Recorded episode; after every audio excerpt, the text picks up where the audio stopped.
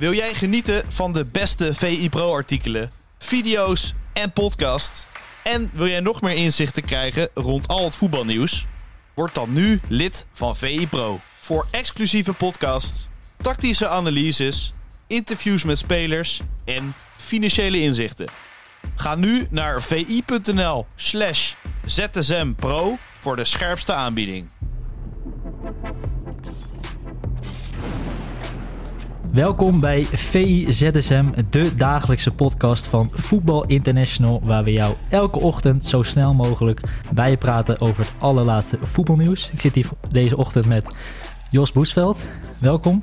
Dankjewel. Ik ben uh, Jort van der Hoorn. Ze hebben de stagiair naar voren geschoven. dus, uh, nou, gaan... die, die titel ben je lang ontgroeid hoor. ja. Dat was ook uh, zulke uren gemaakt bij ons op de redactie. Ja, dat is waar. Dat is waar. Uh, meest gelezen op uh, ja, vi.nl ging over Jan Boskamp. Hij heeft zijn oogappeltje gevonden. de naam de Slovaak Leo Sauer, mm -hmm. 17 jaar. nog geen officieel duel voor Feyenoord gespeeld, maar krijgt veel de kans op het trainings, trainingskamp. Ja. Ja, wat, uh, wat denk jij? Wordt dat een nieuwe linksbuiten? Nou, ik vind het wel interessant. Kijk, uh, hij zegt ook in dat stuk terecht... Feyenoord gaat nu wel de Champions League in. Dat maakt wel een groot verschil. Dan kun je niet zomaar een, een 17-jarige jongen voor de leeuw gooien. Maar wat ik zo leuk vind, die Jan Boskamp is dus een beetje... Ja, voor mij uitgenodigd, half door Feyenoord... dat hij erbij mag zijn. En dat is echt een voetbaldier. Hè? En dan wordt wel vaak wordt hij een beetje belachelijk gemaakt... Omdat hij dan... was hij met René van der Grijpen... en altijd klappen uitdelen en dat soort dingen... Maar wat, wat mensen voor mij niet echt helemaal doorhebben, die, die eigenlijk Jan Boskamp, die kijkt gewoon meer voetbal dan al die analisten bij elkaar. Dat is echt ongelooflijk. Dat is echt een voetbaldier. Die houdt ervan. En heeft hij dus ook gewoon heel veel wedstrijden gezien van die, uh, van die Sauer bij, uh, bij Jong Feyenoord. Of Feyenoord onder 21 moet je dan zeggen. En uh, nou, als hij zegt dat het inderdaad een leuk talentje is. En dat hoorde ik ook van, van Lentin Godijk, onze clubwartje die dan in plaats van Martijn Krabbedam in, bij Feyenoord was. Ja, die maakt inderdaad een leuke indruk. En dan zou ik zeggen, ja, in, in de Eredivisie zou het misschien wel prima kunnen... dat hij daar zijn minuutjes gaat maken. Uh, maar Champions League, dat komt misschien nog te vroeg. Maar dat ze weer een leuk talent in huis hebben, dat, uh, dat mag duidelijk zijn. Ja, 17 jaar natuurlijk nog maar. Ja. Uh, ik vond het ook mooi dat Jan Bos kan dan zeggen meteen een sauertje. Dat... Sauertje, ja, dat hoort erbij. Dat, dat is een beetje zijn ding natuurlijk. Ja. Hè? Dat, maar dat maakt het natuurlijk ook gewoon heel emabel, zo'n man. maar hartstikke leuk. Ja, Feyenoord heeft hem eerst gehuurd van, uh, van een club uit Slowakije, Zelina volgens mij. En uh, had het blijkbaar dusdanig goed gedaan bij Jong Feyenoord dat ze, hem, uh, dat, dat ze de optie te koop gelicht hebben. Ze ligt, nu tot 2026 vast. En ik vind het wel leuk, want in die, in die voorbereiding ga je altijd zien dat talenten inderdaad de kans krijgen. En dan is de vraag, ga je het pakken of niet? Nou, en er loopt altijd wel weer een talentje rond die, die zijn kans pakt. En ik denk dat Arne Slot wel gezien heeft van... hey, die uh, mag misschien wel vaker bij de hoofdmacht gehaald worden. Want dat is inderdaad... Hij heeft nog nooit bij de wedstrijdselectie gezeten... ook bij een officieel duel van Feyenoord. Dus het gaat waarschijnlijk volgend seizoen wel gebeuren... dat hij in ieder geval een paar keer uh, mag ruiken aan het grote werk, zeg maar. Heel interessant om te gaan volgen. Ja, want uh, de beoogde opvolger van uh, Idrissi dan... die is vertrokken, mm -hmm. zou zijn de Kroaat Luka... Ivanusek, als ik het goed uh, uitspreek. Ja, dat was nog een dingetje ja. op, het, op het trainingskamp. Uh, was, uh, Lentin, Lentin Godijk was dus namens ons aanwezig daar. En toen ja, kwam het gesprek een beetje op. Feyenoord is dan geïnteresseerd in Ivanusek, zei hij volgens mij. Zei, Lentin, dus zei Dennis de Kloeze van, ja nee, het is Ivanusek. Check. Ja. Zoiets. Dus hij verbeterde hem al. Ja, dat zegt natuurlijk ook al meteen dat Feyenoord hem gevolgd heeft. Maar ja, ik ben wel benieuwd of die transfer er gaat komen. Want dat is voor mij iets moeilijker geworden, hè? Ja, gisteren uh, maakte hij een hat-trick uh, in de voorronde van de Champions League tegen mm -hmm. Astana. Wonnen met 4-0. Ja, de Kroatische kranten waren weer lovend en die zeiden dat het zal lastig worden om het hoofdtoernooi te halen zonder hem. Mm -hmm. Dus zijn uh, marktwaarde zal weer, wel weer gestegen zijn. Zal wel lastig zijn. Voor ja, dat zou goed kunnen, ja. Want de, ja, de, de grote clubs dit soort prestaties. Daardoor kom je op de radar bij andere clubs inderdaad. Dus misschien zal Feyenoord wel balen dat ze niet eerder doorgepakt hebben. Of dat de speler zelf in kwestie uh, eerder heeft toegehapt. Want nu zou het heel goed kunnen dat hij inderdaad zegt van... oké, ik heb nu dus daar een belangrijke bijdrage geleverd. Ik wil doorgaan bij mijn huidige club om de Champions League misschien te bereiken. En dan, als dat eenmaal gebeurd is of net niet gelukt... dan zou het zomaar kunnen dat er opeens andere clubs uh, zich gaan melden voor hem. En dan kan het voor Feyenoord inderdaad wel een lastig verhaal gaan worden. Doe een beetje denken aan, uh, aan toen voor mij met Ajax en Steven Bergwijn. Die, die, uh, toen, toen speelde Bergwijn bij Tottenham. En toen was het ook al voor mij in de winterstop dat ze een deal wilden sluiten. En opeens uh, maakte hij twee belangrijke doelpunten volgens mij. Ik weet niet meer precies in welke wedstrijd het was, maar in de Premier League. Ja, en toen had opeens Tottenham ook zoiets van... ja, het is toch handiger om erbij te houden in plaats van een, een deal in de winter. En dat zal misschien nu bij Feyenoord weer kunnen gebeuren. Ja, want de, de spits is er wel, een nieuwe spits van Danilo. Ja. Ueda is gehaald. Gedroomde kandidaat, zei Sully uh, van de week mm -hmm. bij ons in de uitzending, live uitzending. Eh, ja, die is wel al binnen. Ja, ja, dat is lekker inderdaad. Ja, Danilo gaat dan eh, waarschijnlijk naar Rangers, hoogstwaarschijnlijk. Dat, eh, dat zit eraan te komen. En wel weer slim gehandeld hoor van Feyenoord. Want ehm, ze hebben al gezegd, Santiago Jiménez blijft. Nou, dat is je eerste spits voor, het, voor dit seizoen. Dus wat heb je dan nodig? Een, een goede tweede spits. Nou, Danilo is het eigenlijk, maar die gaat dan weg. En nu heb je een, een spits die misschien nog een beetje moet wennen aan, aan de cultuur. Hij heeft natuurlijk een jaartje bij België rondgelopen, bij Cercle Brugge. Maar nog steeds zal hij even nodige aanpassingsproblemen hebben. En dan heb je gewoon een, een perfecte spits die, die erachter kan lopen en toch heel veel kwaliteit heeft. En wat me vooral opviel, hij heeft geen enkele wedstrijd gemist vorig seizoen in België. 40 competitiewedstrijden gespeeld, dus 34 in de reguliere competitie en 6 in de play-offs. Dus het is ook een speler die gewoon altijd fit is. Nou, dat, eh, dat is die ideale tweede spits, denk ik. En ze hebben hem al nodig in de Champions League, want dan is Jiménez natuurlijk geschorst. Ja, Sully zei zelfs dat, eh, dat hij eventueel gevangen kan zijn voor Jiménez. Dus Oké, ik, ben, ik ben heel benieuwd. Ik ben heel benieuwd. dus dat, dat, dat, eh, dat hij de eerste spits zou worden. Nou ja, dat, dat zou kunnen als Jiménez zelfs weggaat. Maar dat gaat oh, zo, waarschijnlijk niet gebeuren. Ja, ja nee, Feyenoord hebben echt gezegd van we gaan uh, Jiménez niet verkopen. En daar hebben ze natuurlijk alle recht toe. Dus eh, ik denk dat, het, eh, dat Feyenoord het heel slim heeft aangepakt eh, op de transfermarkt. Ah, heel goed, heel goed. Dan gaan we naar het meest gelezen op VI Pro. Verhaal van eh, Top, Tom Knipping, eh, ja, onze financiële man bij Ja. eh, Voetbal International. Eh, verhaal over dat de gemiddelde loon van de Eredivisie weer gestegen. Nu naar eh 334.000. Dat is een record, toch? Een record, ja. Eh, ja, de gemiddelde is niet helemaal een goed beeld. Want topclubs die krijgen, ja, die geven natuurlijk hoge contracten. En er zaten ook jeugdspelers bij. Ja. Maar het meest opvallende vond ik dat inderdaad spelers buiten de EU... die ja, moeten minimaal een half miljoen verdienen. Dat is 150.000 van het, van het gemiddelde loon. Mhm.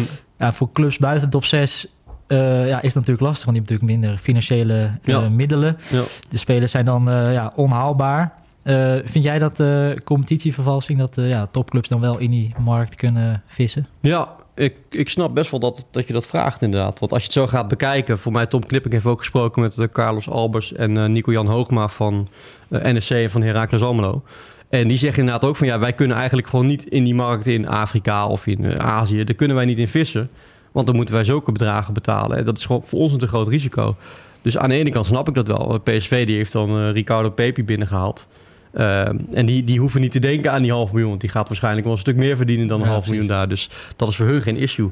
Dus ja, je zou het inderdaad wel kunnen zeggen. Aan de andere kant zorgt het er ook voor dat eh, clubs met een kleiner budget iets creatiever moeten zijn.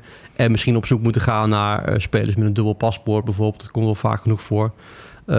En, en de Europese markt is natuurlijk ook nog groot genoeg om, om daaruit te putten. Maar ja, competitievervalsing, dat stempel kun je er wel een beetje opplakken inderdaad. Ja.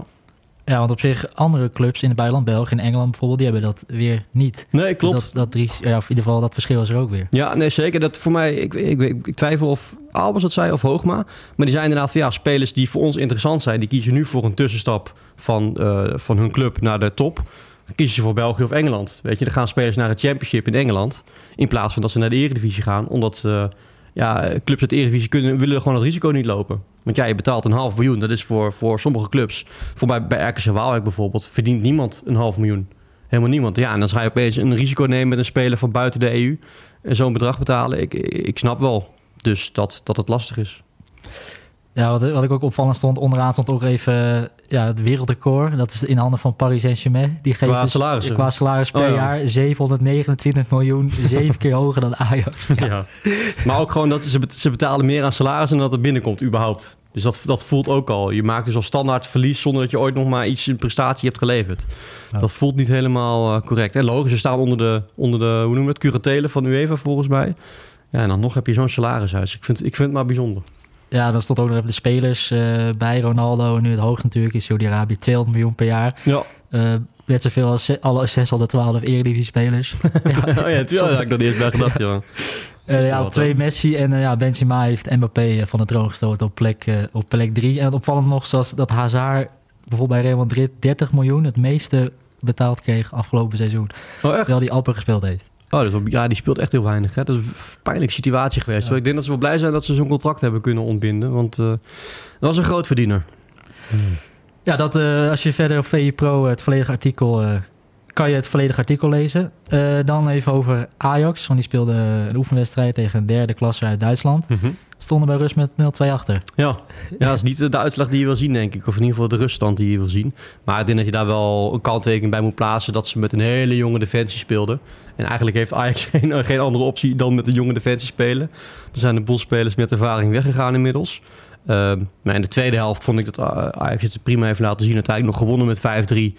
Maar wat, wat mij vooral opviel was die hele goede samenwerking tussen Branko van der Bomen en uh, Dita Hirovic.